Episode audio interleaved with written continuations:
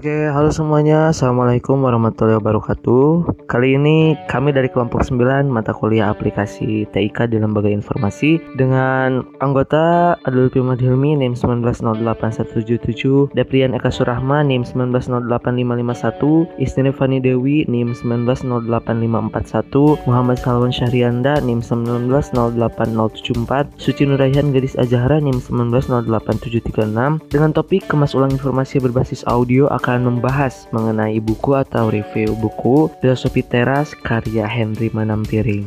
Buku ini sendiri sudah terbit dari bulan November 2018 dari jadi usianya ya udah dua tahun lebih lah ketika sudah dibaca oleh kita semua. Buku ini diterbitkan oleh penerbit buku Kompas. Selain karena profil penulisnya, kami semua di sini tertarik karena ratingnya cukup bagus di Goodreads. Banyak orang yang baca bukunya juga menarik ternyata yaitu tentang filosofi Stoa yang beliau menerjemahkannya sebagai filosofi teras. Ya, mengapa? Karena dari bahasa asalnya Stoa yaitu artinya adalah teras. Jadi ceritanya dulu filsafat Stoa itu filsuf-filsufnya memang ngobrolnya di teras kayak alun-alun gitu. Nah, teman-teman, kenapa Om Henry Manampiring ini tertarik untuk menulis buku ini? Karena dirinya sendiri dan banyak orang di sekitarnya suka merasa khawatir dan stres. Kemudian, dia menerapkan filosofi teras ini untuk dirinya sendiri dan ia berhasil. Sehingga ia ingin berbagi kepada orang lain juga. Filosofi teras ini ya merupakan sebuah ideologi semacam itulah yang berusia lebih dari 2000 tahun yang awalnya itu pemiliknya adalah Zeno. Tokoh-tokohnya ada Seneca, Epictetus, Marcus Aurelius, dan banyak lagi lah. Uniknya penulis ini membahas dan menyajikan filosofi Yunani ini dengan cara yang Indonesia banget dan di buku ini terdapat quote-quotes menarik dan ditambahkan juga oleh tanggapan dari orang-orang Indonesia yang tertarik dan paham akan filsafat Stoa ini. Nah, dalam buku ini juga menerangkan tentang konsep STAR, S T A R yaitu Stop, Think, Assess, Respond.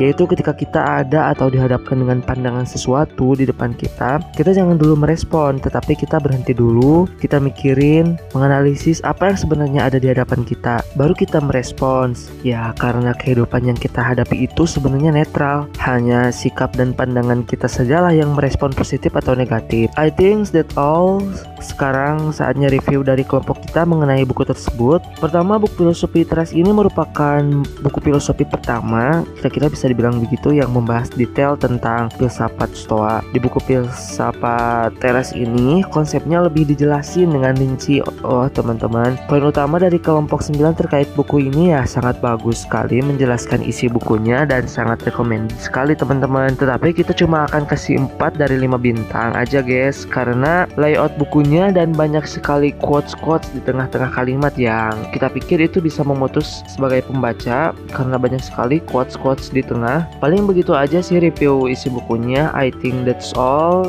Thank you for listening and keep healthy and stay smart. Wassalamualaikum warahmatullahi wabarakatuh.